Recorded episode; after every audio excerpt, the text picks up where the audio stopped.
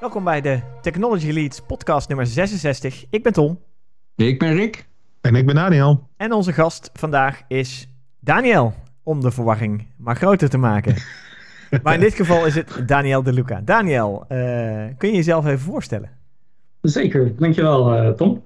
Uh, kijk in het kort, uh, Daniel de Luca, 26 jaar oud en ik woon in Amsterdam.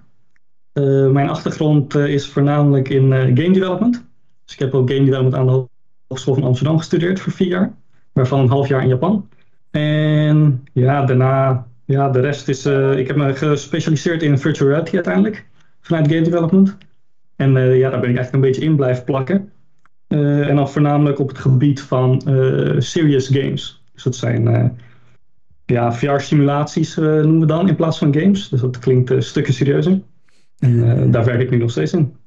Mooi, mooi, mooi, mooi. Ja, nou, VR is ook het topic van deze podcast. Dus uh, daar gaan we dadelijk uh, zeker op door. En gaaf dat je ook, in, ook nog een, uh, ook in Japan nog zelfs gestudeerd hebt of ermee bezig bent geweest. nou, wie weet komen we daar ook nog wel over te spreken straks. you never know. Serious gaming en VR, nou, dat is in ieder geval een topic dat dicht, bij, dicht bij ons hart ligt. Ik weet dat nou, andere Daniel ook een fervent fan is van, uh, van VR. En, en Rick uiteraard ook natuurlijk. Uh, en laat, laat, ik mezelf ook niet, uh, niet wegvlakken. We hebben pas nog uitgebreid over VR en de MetaQuest 2 gehad. Dus uh, gaat allemaal langskomen. Maar voordat we daar echt in duiken, even een paar leuke tech-updates. Rick, wat is jouw tech-update? Mijn tech-update is een filmpje wat ik op YouTube tegenkwam. En dat uh, gaat over een paar uh, mannen in Amerika die proberen en uiteindelijk daar ook in slagen. Oh jee, spoiler, sorry. Uh, om de Apollo Guidance Computer weer aan de praat te krijgen. Er was namelijk iemand die heeft in 1976 2000 kilo scrap metal van de NASA opgekocht. En een van die onderdelen van die scrap metal was dus gewoon een Apollo Guidance Computer. Hè? Dus de computer die ze in de Apollo maanraket uh, gebruikten om op de maan uh, te komen hè? voor de navigatie. En die man heeft dat eerst gewoon 30, 40 jaar in zijn schuurtje laten liggen. En toen kwam hij wat uh, andere enthousiastelingen tegen. En toen zei hij, oh, ik heb nog wel wat spullen in mijn schuurtje liggen. Nou, en toen zijn ze dat uh, gaan uitproberen. Die, die mannen zijn bij elkaar bijna een maand fulltime bezig geweest om het aan de praat te krijgen. Eerst al het roest eraf halen en zo. En, uh, wow. Maar uiteindelijk is het ze dus gelukt om daadwerkelijk de Apollo Guidance Computer weer aan de praat te krijgen. En toen dacht ik met een kleine link naar de actualiteit. Ja. Misschien dat ze er bij de NASA nog wat aan hebben. Want ik las net dat deze week de uh, proeflancering van de nieuwe maanraket uh, weer uitgesteld moest worden. Last dus ik denk misschien dat ze deze oude technologie uh, toch nog noden missen. ja, en, dat, en, en die laatste nieuwe, die, die fantastische gloedje nieuwe raket... is eigenlijk ook weer gewoon ontzettend oude technologie, hè? Want het is oh, gewoon, ja, ja, ja, Het, het, is gewoon een, een, uh, een, een megalomaan grote raket. Zoals die uh, in de jaren, wat was het, 70 uh, uh, ook daar was. Dus het is helemaal niet ja, zo spannend. Ja. Alleen het probleem het... nu is, is toen wisten we niet beter, hadden we zo'n monsterlijk grote raket en die schoten we de lucht in. Alleen nu hebben we allerlei veiligheidsrestricties en allerlei checks en zo die we toen helemaal niet konden doen. En nu voor elk wisselwasje stoppen we de lancering, want het zou wel eens mis kunnen gaan, zeg maar. Ja. En toen namen we gewoon dat risico. Ja, terwijl bij de Apollo-lanceringen is het gewoon helemaal nooit misgegaan. Dat natuurlijk. Dat, dat is eigenlijk wel grappig, ja. ja, dat, ja. Uh... Dus, dus eigenlijk, ja, er is eigenlijk niet heel veel veranderd sinds de jaren 70 qua technologie. Het is echt niet uh, veel nieuwer en hipper uh, dan toen, hoor. Nou, de, de computertechnologie, Tom, ja. die is toch daadwerkelijk wel verbeterd. Want als je ziet hoe die mannen daar met een soldeerbout en zo met die computer bezig zijn, dan is nou, het toch wel een hoop veranderd. Uh. Maar is dat dan, nou oké, okay, maar dan ben ik wel ik benieuwd. Weet niet of dat is dat dan is, goed? Nee, is dat wel ten goede geweest? Want nu hebben we zo zo'n advanced uh, computer technology uh, om ons heen en dus ook in zo'n raket zitten. Met zoveel lines of code die allemaal potentiële fouten en, en uh, dataproblemen, et cetera, kunnen veroorzaken. Waardoor die lancering uitgesteld wordt. En voor elk, elk ja, anomalietje, zeg maar, ja, stopt. Die, uh, stellen ze hem toch weer uit. Gaan ze nazoeken. Waarom, waarom zien we dit? Waarom is dit? Ja, vroeger nou was ja, het veel simpeler. En had je maar een paar lines of code. En ja, die, die kun je honderdduizend keer reviewen. En op een gegeven nou moment weet je gewoon ook, wel dat het goed is. Ja, maar ook toen ging het niet altijd goed. Hè? Je weet Nee, toch tijdens de, tijdens de eerste maanlanding Ja. dat Neil Armstrong en Buzz Aldrin die waren zo naar de maan aan het vliegen. En toen kon de computer het even niet meer aan. Dus die gaf allerlei foutboodschappen. Ja, En toen was er nog even heel driftig communicatie met de aarde van eh, wat moeten we nu? En ondertussen dachten die Aldrin en eh. Armstrong van nou weet je wat, we vliegen op de hand gewoon verder. En we kijken wel waar dat. we landen. Want wij gaan nou echt niet meer afbreken. Nee, nee, nee, dus, nee. eh, ja. Maar manual control, handmatig vliegen, dat kon toen ook gewoon. Alleen nu is, is het zo'n Ja. ontzettend complex geheel geworden. Hè, de Ja. de eh, complexiteit van producten, nou zeker dat soort dingen, die, die groeit exponentieel naar een niveau waarin we het nu niet meer met de hand kunnen besturen. Althans, eh, nou, dat geloof ik bijna niet dat dat nu nog kan. Nee. Dus is de, de vraag wat ik- Daniel ik kan me zei, is het niet beter? voorstellen dat als je over 50 jaar een guidance computer van een huidige maanraket Oh ja. vindt, dat je die dan nog met een handjevol mensen in, in een paar weken tijd gewoon weer helemaal aan de praat krijgt. Ah, die staat er gewoon op. GitHub. Die staat er gewoon op GitHub, joh. Ik weet niet of over 50 jaar GitHub nog bestaat, Tom. Nou, waar. ik denk dat als je hem nu, als je hem over 50 jaar die van nu terugvindt, ik denk dat er sowieso iets meer veiligheidsmaatregelen Ja. achter zitten. Ja, dat denk ik ook, ja. Ja, Ja, dat zou ja. nog kunnen. Iets meer Je, nog moet meer eerst op zoek naar het password om erin te komen. Ja, Ja. ja, ongetwijfeld. Ja. Nou ja, ja, dit- ja mooi. Mooi om te zien dat, Ja. eh, met, dat, je, dat je gewoon een, een guidance computer met een soldeerbout aan de gang kunt krijgen. In plaats van eh, op zoek te gaan naar Ja. de, naar de, de username en password om in te loggen. Wel leuk. Ehm, eh, nou, maar dan ga ik naadloos over naar, want ruimtevaart en zo past heel goed bij mijn tech, tech-item. Zeg ik vol vertrouwen.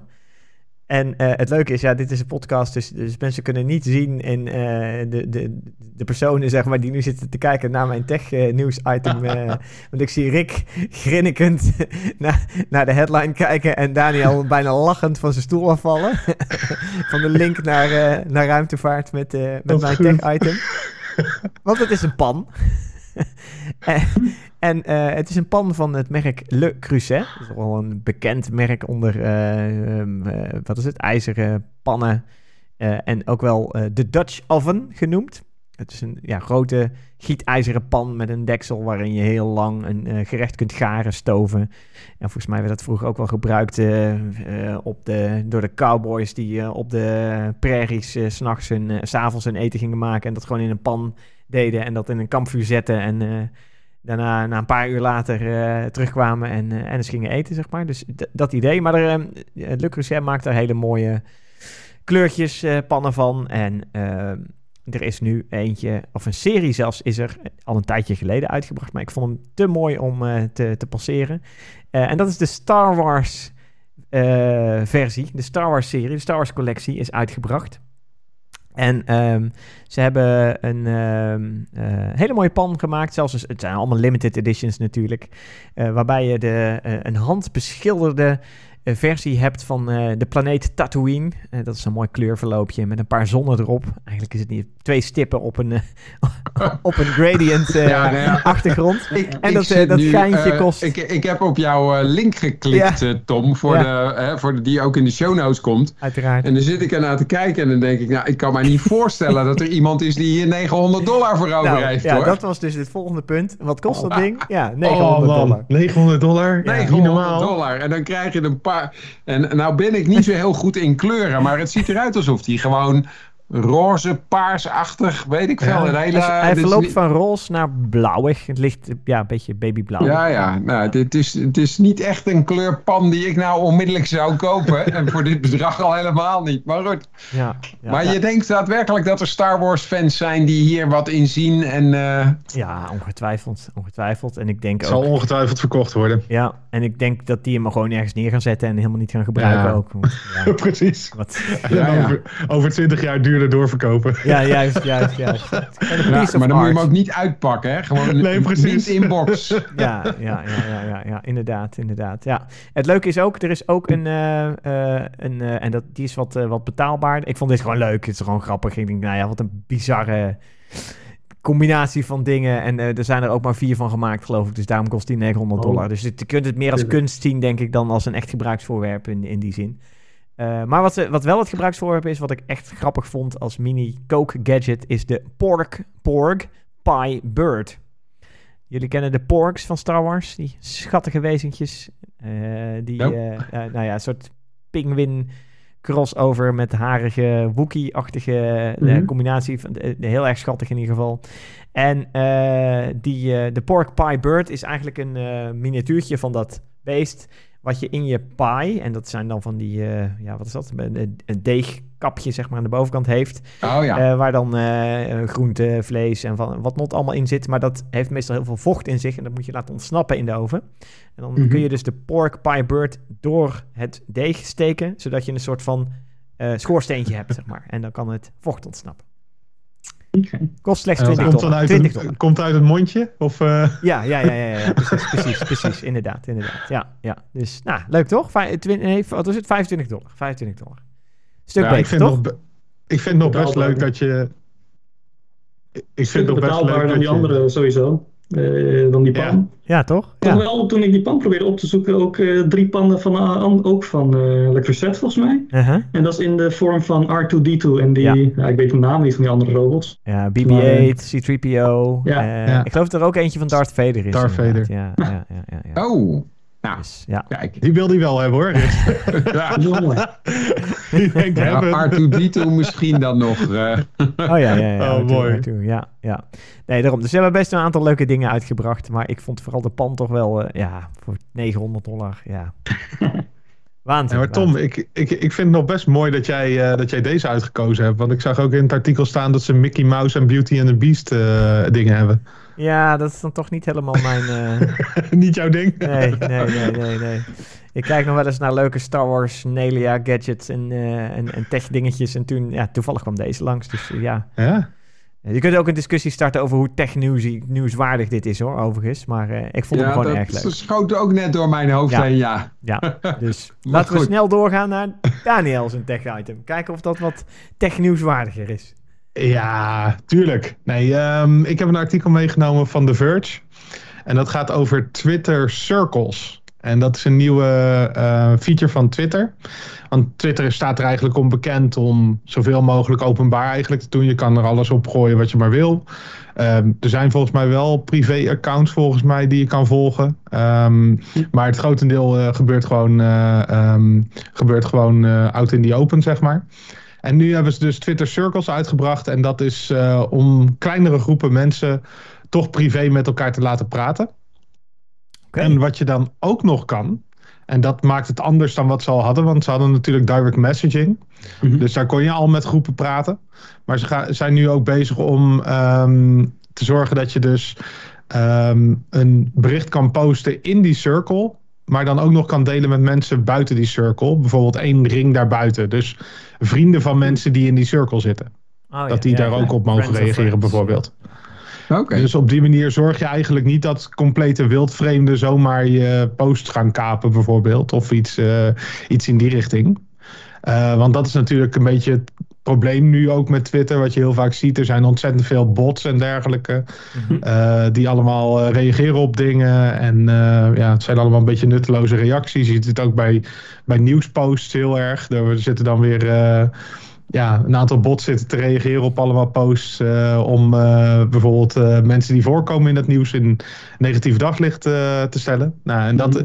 ja, je ziet dus eigenlijk wel een beweging dat, dat, dat het dus weer naar wat meer privé gaat op een of andere manier. Vind ik Ja, best wel een beetje de interessant. purpose eh, Ja. klinkt het mij een beetje. Ja, Het is, eh, ja, ik weet niet. Het- ik vond juist inderdaad van Twitter juist klinken, alles is openbaar, alles, iedereen kan overal bij. Ja. Om dan juist weer naar cirkels te kleiner te maken. Ja, dan ga je meer richting, ja, hoe zeg je dat? Patreon, Facebook en dat soort dingen. Ja ze, hebben dat, ze hebben dat bij Instagram hebben ze bijvoorbeeld ook zoiets. Dat is eh, de close friends feature. Mhm. Ehm, ja, Dat zet je met je close friends, die je dan benoemt. eh, daar kan je dan eh, berichten mee delen. In plaats van met heel Instagram bijvoorbeeld. Nou, en daar heb je dus wel wat, wat mogelijkheden.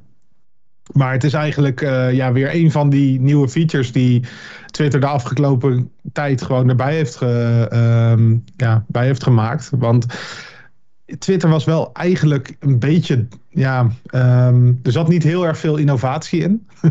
een hele lange tijd. Het was eigenlijk elke keer hetzelfde. Gewoon, ja, je kan berichtjes posten en je kan reageren en dat is zo'n beetje. Mhm, mhm. Ehm, maar ze hebben de afgelopen tijd hebben ze best wel veel nieuwe dingen toegevoegd. Je hebt volgens mij dat je eh, mensen een super follow kan geven als je echt een fan bent van iemand bijvoorbeeld. Oh ja, ja. Eh, en daar kan je dan ook weer eh, geld aan verdienen en dergelijke. Eh, wat ze ook hebben is die, ehm eh, die audio chats. Net zoals dat, ehm, ik ben even de naam kwijt, die hebben we ook nog een tijd geleden benoemd in, eh, in de podcast. Maar er was een, een, een start-up die had de mogelijkheid, Clubhouse heette dat trouwens. Oh ja, ja, dat was dat je ja, met z'n allen in een soort van, ja, Clubhouse Audio, kan zitten ja, en dat je dan eh, kan praten met elkaar en dergelijke. En eh, dat iedereen maar gewoon binnen kan vallen Klopt. en over bepaalde onderwerpen kan praten. Nou, dat hebben ze dus bij Twitter nu ook. Dat heet Twitter Spaces. Hm. Eh, nou ja, daar heb je dus. ja, ze zijn best wel veel aan het, aan het innoveren wat dat betreft. En ik denk dat het. Ja, sommige dingen zijn goede experimenten, andere wat minder. Ja, ja, ja. maar. Het, is, het is denk ik wel goed dat er wat meer innovatie in zit dan wat het een tijd geleden was. Het is, het is Dus, natuurlijk wel ehm, een ding dat, want ik, ik las toevallig vandaag ook weer dat, weet het, eh, Musk toch weer niet van, eh, niet zijn aankoop door wil zetten en dat die rechtszaken bezig zijn.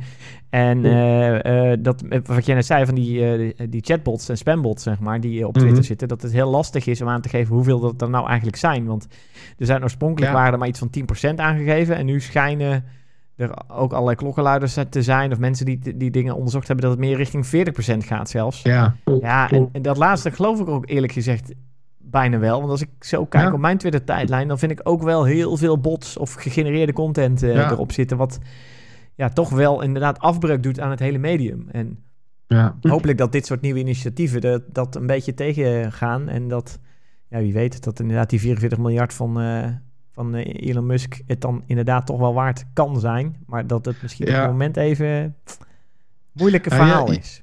Je hebt nu ook dat, dat, dat gelabeld is als een automation account is. Hè? Ik weet niet Oh, of je ja. dat al eens een keer gezien Ja. hebt. Er zijn natuurlijk van die accounts die best wel grappig zijn. Ja. Van er zijn zoveel dagen in het jaar nog over. Of eh, eh, ja, allemaal van dat soort Ja. geautomatiseerde accounts eigenlijk. Die elke dag een berichtje posten of iets dergelijks.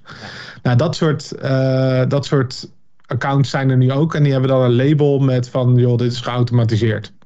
En dat is op zich wel goed. Maar dat is wel goed, ja. al- als ik naar mijn followers kijk bijvoorbeeld, nou, ik, ik zat er gisteren naar te kijken toevallig. ehm, maar ja, ik heb er een stuk of 5000. Maar als ik er doorheen scroll, nou, ik, ik ken heel veel mensen, ken ik gewoon totaal niet. Nee. En heel veel mensen die, daar geloof ik niet van dat het een echt persoon Juist. is. Ja, ja je hebt er Want van die gegenereerde ja. personen heb je ook, hè? Inderdaad. Ja, ja, ja. Ja, en dan, dan, dan zie je de biografie of iets dergelijks, de beschrijving en dergelijke. En dan denk je, joh, dat, dat- volgens mij is het allemaal zo fake als een pest. ja. En daarom geloof ik wel, die 40, 40% zou me echt niks verbazen als dat zo is. Ja, ja, alleen maar om followers te krijgen, zeg maar, dat er eh, Ja. Filipijnse sweatshops zijn die eh, allemaal accountjes maken die eh, even één, één likeje of één follow geven en, eh, en weer door, weet je. Dat soort dingen. Ja, en ik denk dat het ook komt door de, de- Er is natuurlijk ook een behoefte. En dat zie je niet alleen op Twitter, maar dat zie je bij heel veel social media. Hoe meer followers je hebt, hoe, ja, ja. ja, hoe groter je bekend staat, zeg maar. Zeker, En ja. ja. ja, er zijn dus ook heel veel mensen die gewoon followers gekocht hebben in het Absoluut. verleden. Ja. Ehm, en ja, dat is, dat, dat is natuurlijk hetgene waar ze al die accounts voor hebben aangemaakt. En om die een beetje wat waarde te geven en niet elke keer te laten verdwijnen, zeg Mhm. maar. Ja, daarom laten ze ze ook dingen liken en reageren en Precies. mensen followen en weet ik veel wat allemaal. ja. Nee, helemaal waar. Helemaal waar. Ja, Dus ja. eens. Ja, het is interessant om te zien waar dat allemaal heen gaat. En met deze stappen eh, gaan ze misschien weer wel wat meer terug naar een oude manier van... Of ja, kopiëren ze ook natuurlijk een bepaalde methodieken. Maar niet, het hoeft niet per se slecht te zijn. Het, eh, ja, Zeker. Oké, nou ja, eh, eh, laten we dan lekker doorgaan naar, naar jou, Daniel. Daniel de Mm. Luca in dit geval. Ik zal, ja, het had bijna een tech-item kunnen zijn, VR. maar ja, met een expert in ons midden is het natuurlijk heel leuk om eens over, met jou over VR te gaan hebben. Leuk. je zei net serious gaming. En ja, ja dus, dus, dus inderdaad in, eh, in de omgevingen waarin, eh, eh, waarin jij actief bent, ehm, is inderdaad een, een applicatie, een VR-applicatie, serious business, eh, zo gezegd. En, en, daarom ook serious gaming. Ja. is, is VR eigenlijk altijd een game? Is eigenlijk mijn eerste vraag. Dat is een hele goede vraag. Ehm, VR is puur een, een tool, een medium. Dus het is niet per se een game, een simulatie, een experience. Het is puur, eh, ja, alsof je zegt, is tv Mhm. entertainment. Entertainment. Je kan Ah, op ja. tv entertainment kijken, je kan op tv eh, documentaires kijken. Dus ook als entertainment zou kunnen markeren natuurlijk. Zeker, ja. Maar het is, eh, ja, het is heel breed. Eh, en het kan eigenlijk alle kanten op. eh, of je een game wil spelen of iets wil leren. Of Mhm, mhm. met je oma in eh, Noorwegen mee wil kijken. Ja. In, haar, wo- in haar keuken of zo. Dat, eh, dat kan allemaal via Ja. VR.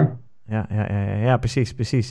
En ehm, eh, ja, VR is dan één term. Eh, We hebben het nu over VR. Kunnen we dat gelijk ook in perspectief zetten van alle andere termen die eromheen zwermen? Want we hebben nog AR, Oh, ja, XR, tuurlijk. MR, Ja.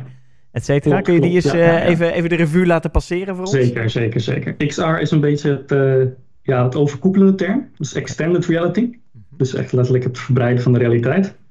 En daar vallen meestal eigenlijk drie dingen onder. Dat is dus de eerste is virtual reality. Het is dus dat alles virtueel is. Dus je doet een, eh, een bril op je hoofd of je zit in een kamer. En alles wat jij ziet is eh, virtueel nagemaakt. Ja. Eh, augmented reality zit er een beetje tussenin. Je ziet echte dingen en neppe dingen. Een heel bekend voorbeeld van AR is eigenlijk altijd wordt Pokémon Go gepakt. Oh ja, ja. Dus je, je, je projecteert eigenlijk op de echte wereld een, ja, een niet echt iets. En die Ja. dingen hebben niet per se iets met elkaar te maken. Dus wat jij virtueel ziet is niet per se iets eh, wat op de realiteit is. Mhm, mhm. Eh, je kan wel dingen over de realiteit heen plakken. Eh, en dan begin je al een beetje richting de mixed reality te gaan. Ah, ja. Mixed reality heeft zelf al een soort van dubbele definitie, dus het is vrij lastig. Sommigen nemen als definitie dat je eigenlijk via een transparant schermpje kijkt. Dus dan heb je heel snel de HoloLens, is een apparaat voor mixed reality. En dan kijk je via een, ja, een doorzichtige lens, eh, projecteer je op de echte wereld dingen. Ja. Dus in plaats van via je mobiel via een eh, transparant laagje. Of meestal wordt als mixed reality tegenwoordig ook gebruikt dat wanneer eh, de werelden invloed hebben op elkaar, dan spreek je over mixed reality. Dus als jij een hendeltje hebt in het, in het echt, ja. en als jij die omzet, gebeurt er iets in het virtuele aspect. Oh, of andersom, ja, ja. als jij virtueel iets aanraakt en in de echte wereld begint iets te bewegen, Ja. dan spreek je ook over mixed reality. Oh, Oké, oké, oké. Ik, zat net ook nog te denken, want je had het net over de HoloLens en over dat soort dingen. Eh, je hebt nu apparaat, tegenwoordig hè? ook, ja, ja, zeker, zeker. Je Prachtig hebt apparaat. tegenwoordig ook relatief simpele eh, im- implementaties hiervan. En dat is de, de heads-up head-up display in een auto bijvoorbeeld. Is Ja, dat ook mixed Daar zat reality? ik ook net aan te denken. Ja. dat ook als eh, mix? Ja, dat is ook mixed reality dan, hè? Transparant ja, Ja, een schermpje tussen aanhalingstekens. En daar projecteer je wat informatie op. Die soort van aligned naar de buitenwereld. Maar natuurlijk in mindere mate, omdat het alleen maar projecteert en niet echt interacteert. Ja, het is, ja, dat zou je een beetje tussen computer vision in en eh, Ja, augmented reality, omdat je bij augmented reality, ja. Computer vision is volgens mij meer dat de machine er iets mee doet. En voor Ja. augmented reality is het meer dat jij er iets mee doet. Ja. Dus het zit er eh, vrij tussenin. Maar inderdaad, op zou je best augmented reality kunnen doen als je die lijntjes Ja, erbij hebt. Van Ja, ja, ja, precies. Of, of richting kan, zeker. eh, hier links. Hier. Kijk, hij projecteert eh, waar je auto rijdt, rijdt je auto en de heads-up display laat. Stel dat je een, een, eh, een pijl laat zien dat je naar links of naar rechts moet om voor je route eh, te plannen. Kijk, die, hij Mhm. plot dat niet op de weg die daar loopt, zeg maar. Als de weg een beetje schuin wegloopt, zeg maar, dan zul je niet die pijl netjes mooi aan de schuine zijkant zien zitten. Dan staat hij gewoon rechts of links, punt. Ja. Dus in die zin heeft hij geen interactie met zijn omgeving. Ehm, Nou ja, misschien dat dat in de toekomst wel komt. dat zeker, hij ja. inderdaad nee, ja, interpreteert wat hij ziet. Ja. En Ja. dat hij netjes zegt van dit weggetje moet je in. Ja. En dat hij dat weggetje uitlicht of zo. Exact, Ja. ja, omdat hij de stoeprand herkent en, en daarmee zeg maar de, weet ik het, ja, ja nou, dat, dat, ja, zou, zou, zou in principe moeten kunnen.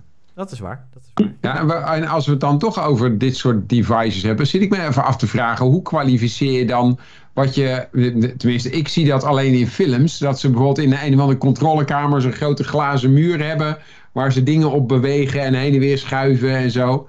Dat, dat- Minority Report of zo. Minority Report, ja, is een heel mooi voorbeeld, hè? Ja, ja, ja. er zijn wel meer films waar ze dit soort dingen in hebben, maar, eh, maar is dat dan ook mixed reality?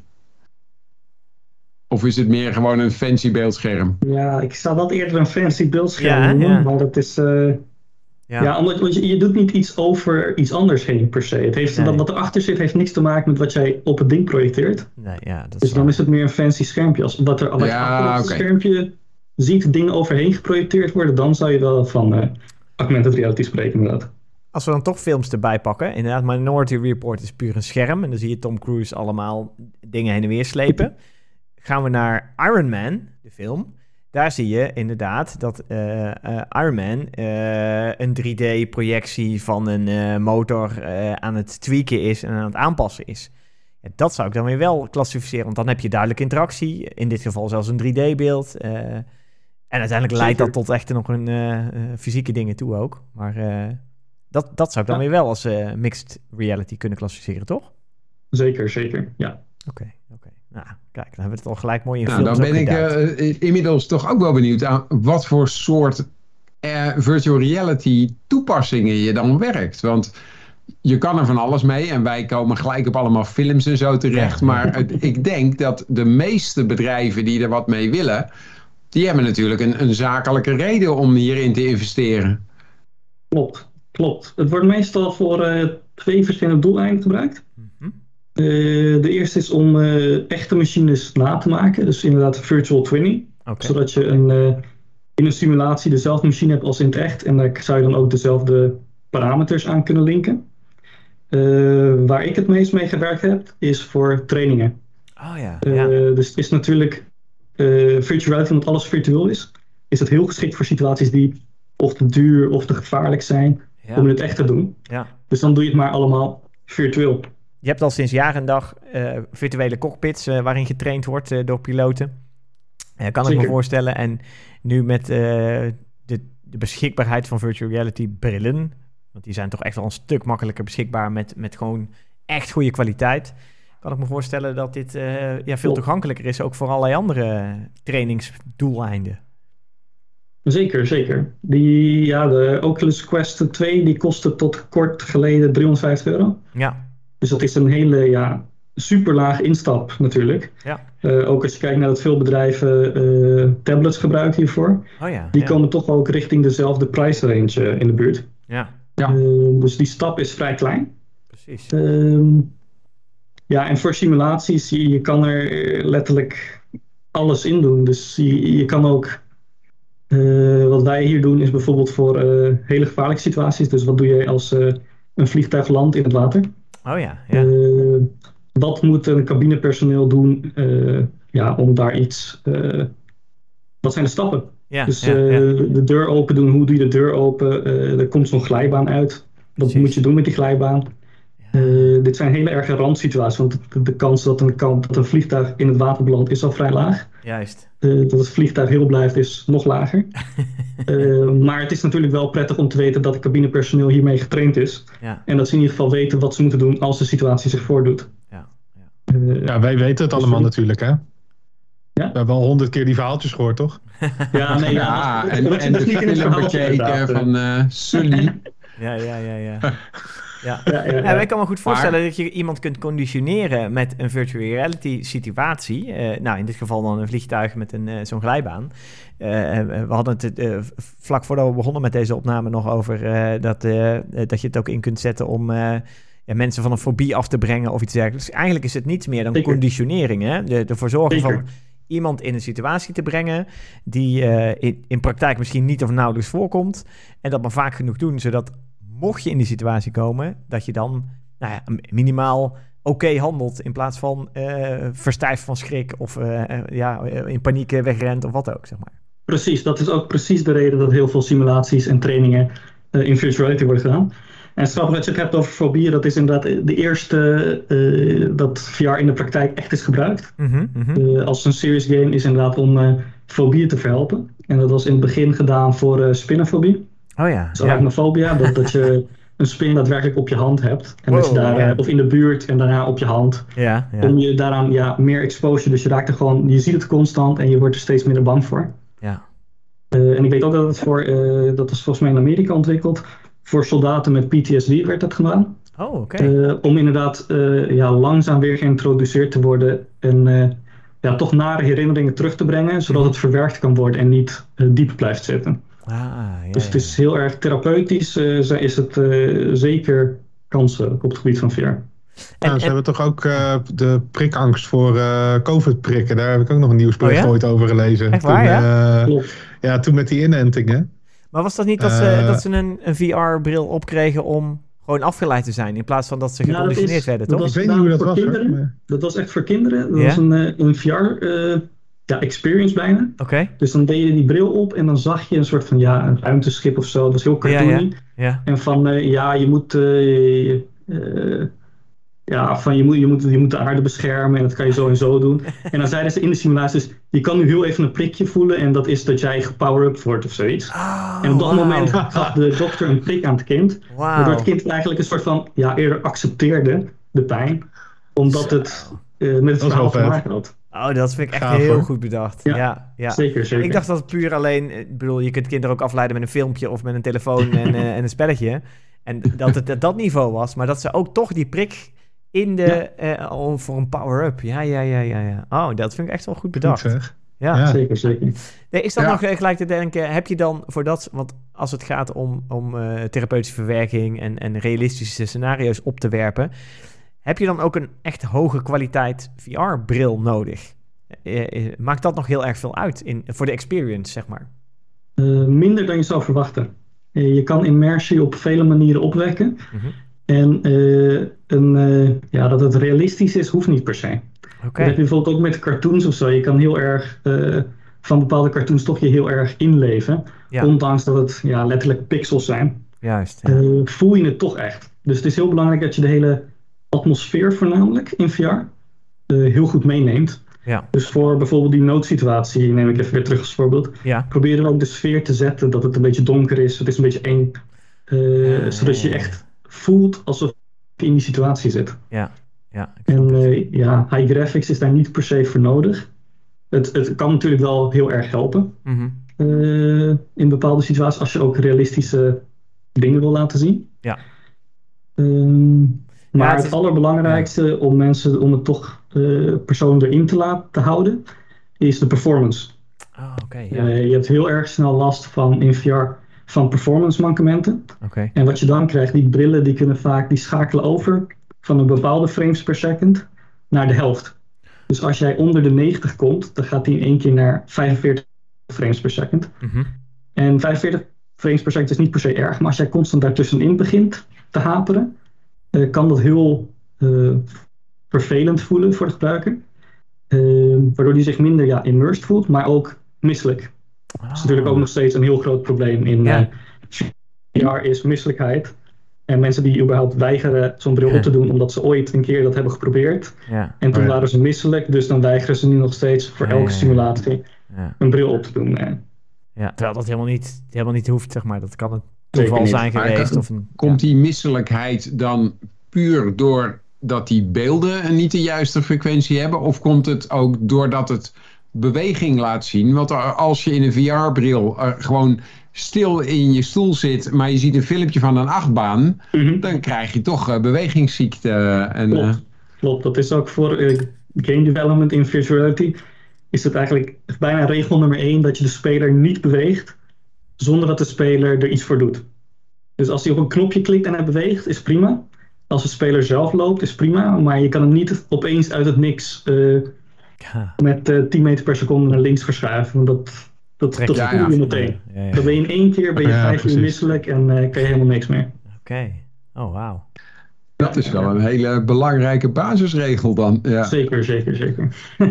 En, en dat zal dan ook nog wel eens misgaan met beginnende VR-mensen, neem ik Ja. aan. Klopt, klopt. En hoe eh, lang merk de- je zie je normaal gesproken dat mensen die VR-bril op kunnen hebben? Want ik, ik zie dat als een van de grootste mankementen nog steeds. Ik heb zelf zo'n VR-bril. Mhm. En ik merk gewoon dat ik echt na, ja, meestal na drie kwartier ben ik er wel redelijk klaar mee. Ja, nee, dat is zeker waar. Dat is, eh, ik ben zelf ook meer een fan. Ik, ik, ik game niet echt eh, in VR. Ik ben meer van de VR-experiences, om het even zo te zeggen. Mhm. Dus dat zijn meer ja, ervaringen van maximaal een kwartier, twintig minuten. Als je echt wil, een half uur. Ehm, maar zelfs ik, ik, ik werk ermee. Ik heb dat ding bijna de helft van de dag eh, op mijn hoofd. Maar ik begin daar ook, als ik langere tijd volop in VR zit, dan begin ik dat ook te voelen. Oké. Eh, dat je er, ja, fatigueness, VR-fatigue. En eh, wat ook heel apart is, en het is toch weer iets, iets meer in de, ja, als je eraan werkt, is als jij de hele tijd aan een uh, scène werkt die in de nacht afspeelt. Dus je hebt dat ding op en het is constant donker, terwijl het buiten gewoon drie uur s middags is met de zon. En als jij na een half uur, drie kwartier die bril afdoet, dan ben je zo gedisoriënteerd van, uh, van tijd en licht. Dat, dat, dat, voel je echt heel erg. En dat kunnen ja. ze heel goed nabootsen in die VR-brillen van het licht. Van ja, hoe laat het is eigenlijk. Uh. Eigenlijk een soort jetlag of zo. Zeker, precies Ja, een jetlag. Ja, ja. Oh, Dat is een goede omschrijving. Oké, oh, dat is wel, wel fascinerend inderdaad, ja. Zou, zou je dan iets soort van ehm, ja, wind-up, wind-down-achtige situaties kunnen krijgen? Van dat je, als je zoiets doet, dat je dan een wat, ja, een, een soort van experience ook weer hebt om terug in de werkelijkheid te komen, zeg maar. Want dat kan natuurlijk ook interessant zijn. Dat je gewoon rustig aan weer went aan dat, het- dat het niet in één keer af is en je bent weer terug, zeg maar. Ja, Langzaam Ja, dat is natuurlijk wel- ook. Ja. het zal wel Ja. mooi zijn, maar dan moet je daar wel echt rekening mee houden. En je moet de speler ook iets te doen geven in die tijd. Ja. Natuurlijk. Het is dus ook een heel groot probleem in VR development eh laadtijden. Als je van level 1 naar level 2 gaat of zo. Eh, als je op een scherm een laadtijd hebt van een minuut. Ik noem maar Skyrim, of het kent. Dan heb je best wel lange, lange laadtijden. En dan kan je ondertussen, je kan op je mobiel kijken. Je kan iemand een appje sturen, maakt niet uit. Ja. Maar in VR heb je dat ding op je hoofd. En ja. de speler die zit dan een minuut met dat ding op zijn hoofd. En daar word je niet echt blij van. eh, met een zwart scherm voor je.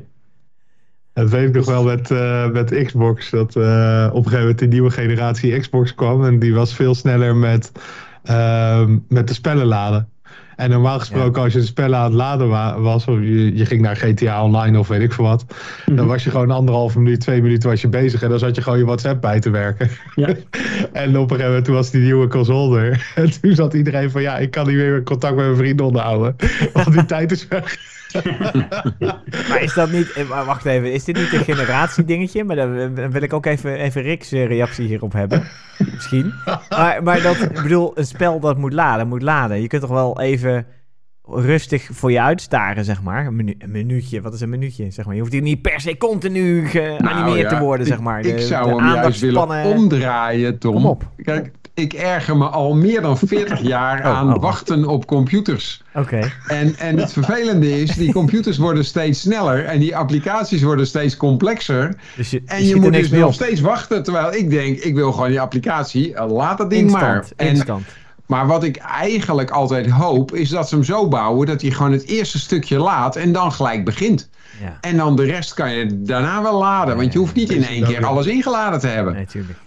En, en, en dat is volgens mij meer een kwestie van slim programmeren. Ja, Ja, dat is zeker. wel zo. Ja. Ik, ik- toevallig, ik ben, als we het dan toch over we hebben het over games, hè? Het is VR en games, toch? Toch Daniel? Ja, mag wel, hè? Dat wel. Ja, ja. Zeker. Serious Ja, games. mag. Eh, toevallig eh, eh, is hier, een, hier in huis een beetje de revival van de ouderwetse point-and-click detective games weer gaande. Ik weet niet of jullie die kennen. Dat was inderdaad, eh, je had vroeger Leisure Shoot Larry en eh, Sam en Max Hit the Road. Oh, en, eh, waarbij je gewoon, eigenlijk heb je alleen maar gewoon een statisch beeld van een kamer. Je bent een soort detective en je moet voorwerpen zoeken waar je, die je vast kunt pakken, die je kunt bewaren, die je kunt combineren. Eh, langzaam maar zeker om eh, ergens anders in een heel andere veld, een andere kamer, een deur weer open te kunnen maken. En nou, et cetera. Je moet dus allemaal puzzels oplossen eigenlijk om verder te komen in het spel. En nou ja, uiteindelijk een soort, soort mysterie op te lossen of een moord of een net wat. En ik moet zeggen, want eh, ook hier hebben we de, de eh, volgens mij zei Daniel net de Oculus Quest 2, maar het is de Meta Quest 2 hè, tegenwoordig, Ja, toch? klopt. klopt. Eh, ik heb hem gekocht toen het nog geen meta was. Dus Oh, oké. ik blijf het gewoon de Oculus Oké, oké. Nou, ik heb de meta. ik heb de meta. in dat geval. Maar de, die, le- dat leen, die, omge- die VR-omgeving leent zich perfect voor dat genre. Want je hebt inderdaad die bril op je hoofd. Je, kijkt rond, je zit in een kamer, zeg maar die laadje, rond je heen. En je hebt Mhm. twee controllers in je hand eh, waarmee je kunt interacteren met je omgeving. Dat is gewoon perfect om een soort detective Ja. puzzle game mee te doen en te gaan zoeken. En eh, ik moet zeggen dat dat eigenlijk qua laden eigenlijk wel lekker gaat. Want als ik naar een ouderwetse gepoorte op de Nintendo Switch eh, point-and-click game en nu speel, dan nou, dat is precies wat Rick net zei. Je moet slim programmeren. In dit geval wordt er een scène geladen met animaties en filmpjes en renders en noem maar op. En dat duurt een eeuwigheid. Terwijl ik denk, ja, ik bedoel, die laatste animatie zie ik toch pas over 10 minuten of zo, hooguit. Als ik daar Mhm. überhaupt al kom. In het begin ga ik eerst een beetje rondkijken en een paar dingen oppakken. Ja, dan hoef ik nog niet heel veel geladen te hebben. Dan kan ik toch best wel meteen beginnen. Dus dit, ja. Eh, wat dat betreft gaat dat in VR, in de VR-omgeving, wat soepeler, heb ik het gevoel.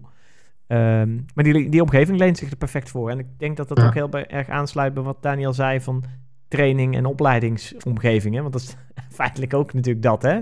Je wordt in een omgeving gezet, je krijgt interactie met je omgeving en je moet een opdracht uitzoeken. Of je moet ook iets zien te vinden of zo. Ja. En, eh, en dat is klopt. het. Ja. ja, mooi, mooi. Waar ik ook naar benieuwd ben, eh, Daniel, is, is wat zie jij nou uiteindelijk als, met name in de zakelijke omgeving, eh, het meest gaan groeien in de toekomst? Is dat nou virtual reality of augmented reality? Want, want ik heb al jarenlang, eh, of jaren geleden, was ik een keertje eh, in Toulouse en daar eh, bij Airbus gebruikten ze dus augmented reality voor monteurs, zodat die Mhm. gewoon instructies in hun bril krijgen waar ze onderdelen moesten schroeven of zoiets. Ja, En, en ik had toen de indruk van dat heeft veel meer businesspotentie dan virtual reality. Ja, ja ik, ik, ik, ik snap hem. Eh, het is ook, eh ja, hoe zeg je, virtual reality heb je niks aan on the job. Dus augmented reality is echt voor eh, in de situatie zelf. En de mens is dan eigenlijk meer, ja, ik wil niet een machine zeggen, maar als je bijvoorbeeld die monteur eh, in augmented reality eigenlijk alles vertelde, dan kon die monteur net zo goed een, eh, je buurman zijn. ja, Want het wordt al precies uitgestippeld van wat hij moet doen. Ja. En dan zou die hele training, die zou je dan in theorie inderdaad kunnen weggooien. Oh, ja. Dan is het niet meer nodig. Dus augmented reality heeft wel heel veel potentie. Ja, Eh, alleen het is ook eh, veel complexer. ja. Eh, omdat Oh ja. je natuurlijk dingen over de echte wereld nodig hebt. En je moet dingen kunnen projecteren, herkennen. Natuurlijk gaat dat ook natuurlijk steeds beter met computer vision. Eh, Ja, maar dat is inderdaad natuurlijk wel een Ja. verschil. Bij augmented reality moet het precies passen op de werkelijke Juist. wereld. ja, Klopt. En bij virtual reality genereer je alles, dus Ja. het past altijd. ja, Ja. dan ben je in control. Je bent veel meer in control eigenlijk. Precies. Ja, ja. En je hebt dus ook veel meer computing power nodig om eh, augmented reality goed te krijgen dan dat je virtual reality eh, Klopt. gewoon Wat je ook krijgt. nodig hebt, om augmented reality goed te doen, heb je natuurlijk de cloud nodig. Ja, Eh, omdat je beelden moet verwerken, je moet dingen kunnen herkennen, je moet op de juiste plekken dingen zetten. Dus dan moet je wel altijd een connectie hebben, wat niet per se een issue is, maar wel een, een limitatie. mhm. Maar je zegt je hebt altijd de cloud nodig. Dat is puur omdat je lokaal niet genoeg computing power zou hebben. Klopt. Dus als we dat oplossen, dan heb je niet de cloud nodig. Nee, dat Dus eh, het, het, het zeker hangt. Ja, ja, oké. Het hangt weer een beetje van de situatie af. Ja. ja, nou ja, als je later gewoon een videokaart zo tegen je zijkant van je Nou hoofd ja, kan ja, horen, Eh, Als de ontwikkeling van eh, computerkracht eh, gewoon door blijft gaan, dan kan je dat gewoon in zo'n bril eh, monteren. Klopt. Dus Rick hoopt dat het nu wel goed gaat in plaats van met die applicaties die allemaal veel ingewikkelder worden en eh, toch niet eh, sneller laden. Ja, ja, ja. Ja. Ik ben bang. Ik ben bang. Ik ben bang dat Ik het hetzelfde gaat bang doen. Dat dit, ja, dat wel Ja. lastig ding Ja, het zou zomaar kunnen. Ja, ja. Maar, Ja, de- nee, ja, maar voor, eh, voor business use eh, zal dus augmented reality, eh, als het technologisch eh, zo hard naar voren gaat, zou in een business use eh, augmented reality wel meer gebruikt worden dan virtual reality. Ja. En virtual reality, dat proberen ze ook, eh, het wordt ook een beetje die kant op geschoven, meer richting de vrije tijdsbesteding en gaming en entertainment. Eh, met de hele metaverse en alles eraan toe natuurlijk. Dat is echt eh, ja, van virtual reality. Nou ja, want dat was een, een leuke. vorige week of de week daarvoor. Toen hadden onze collega's van Vint. eh, in ieder geval eh Menno van Doorn en Thijs Pepping. Die hebben allebei een rondleiding gedaan door. Eh, wat was het? Roskilde in Denemarken. Terwijl ze thuis zaten. En, en Menno had op een gewoon computerscherm gekeken. En Thijs had een virtual reality bril opgedaan. Dus die Ah, ja. had echt het beeld alsof die door Roskilde aan het wandelen was. En, en daar liep dus gewoon alleen een gids met een camera liep door die stad. En er was gewoon 150 man mee op die rondleiding.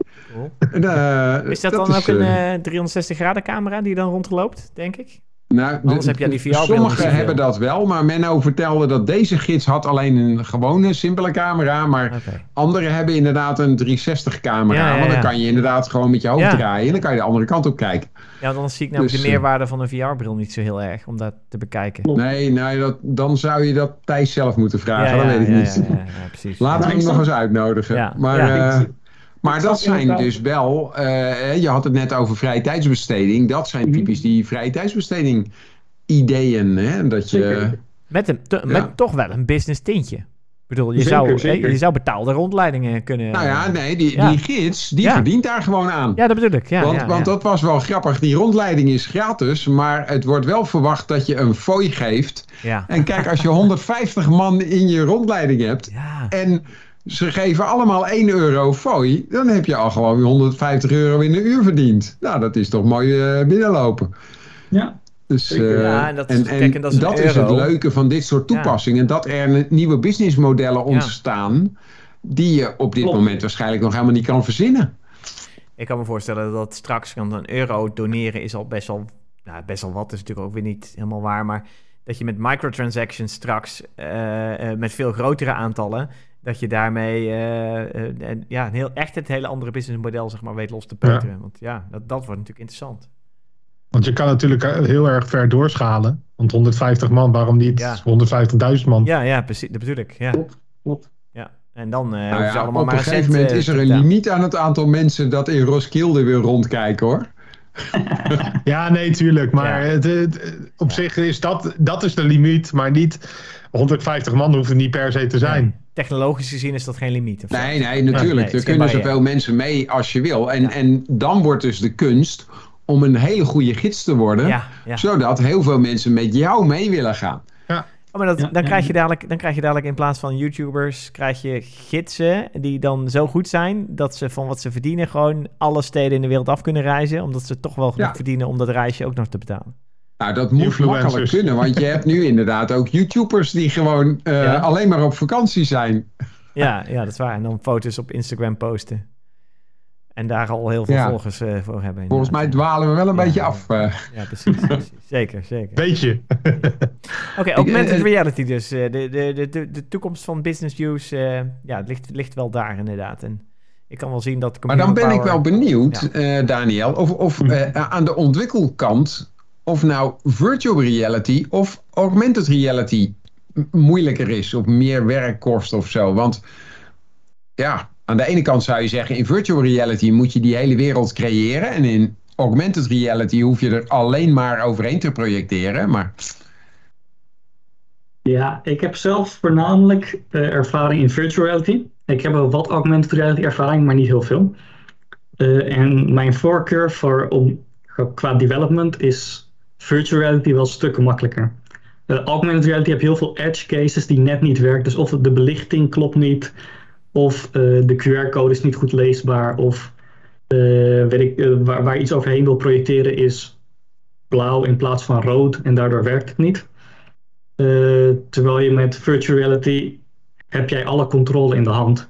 Dus het, als jij tien keer precies dezelfde simulatie afspeelt, gaat ook tien keer precies hetzelfde gebeuren. Omdat alles gewoon virtueel is. En dat vind ik als developer wel fijn om eh, zo te hebben. ja, Weinig afhankelijkheid dus. ja, ja, ja. Oh ja, ja, daar kan ik me ook wel iets bij voorstellen, ja. Vanuit de technologie standpunt, ja.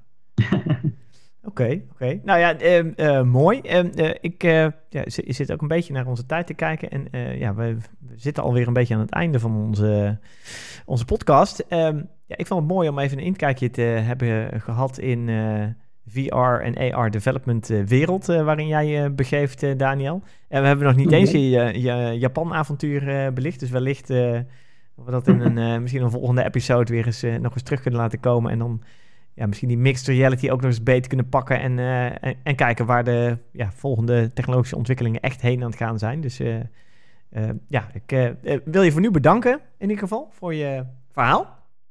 Eh, luisteraars ook bedankt voor het luisteren. En tot de volgende podcast. tot de volgende. Tot de volgende.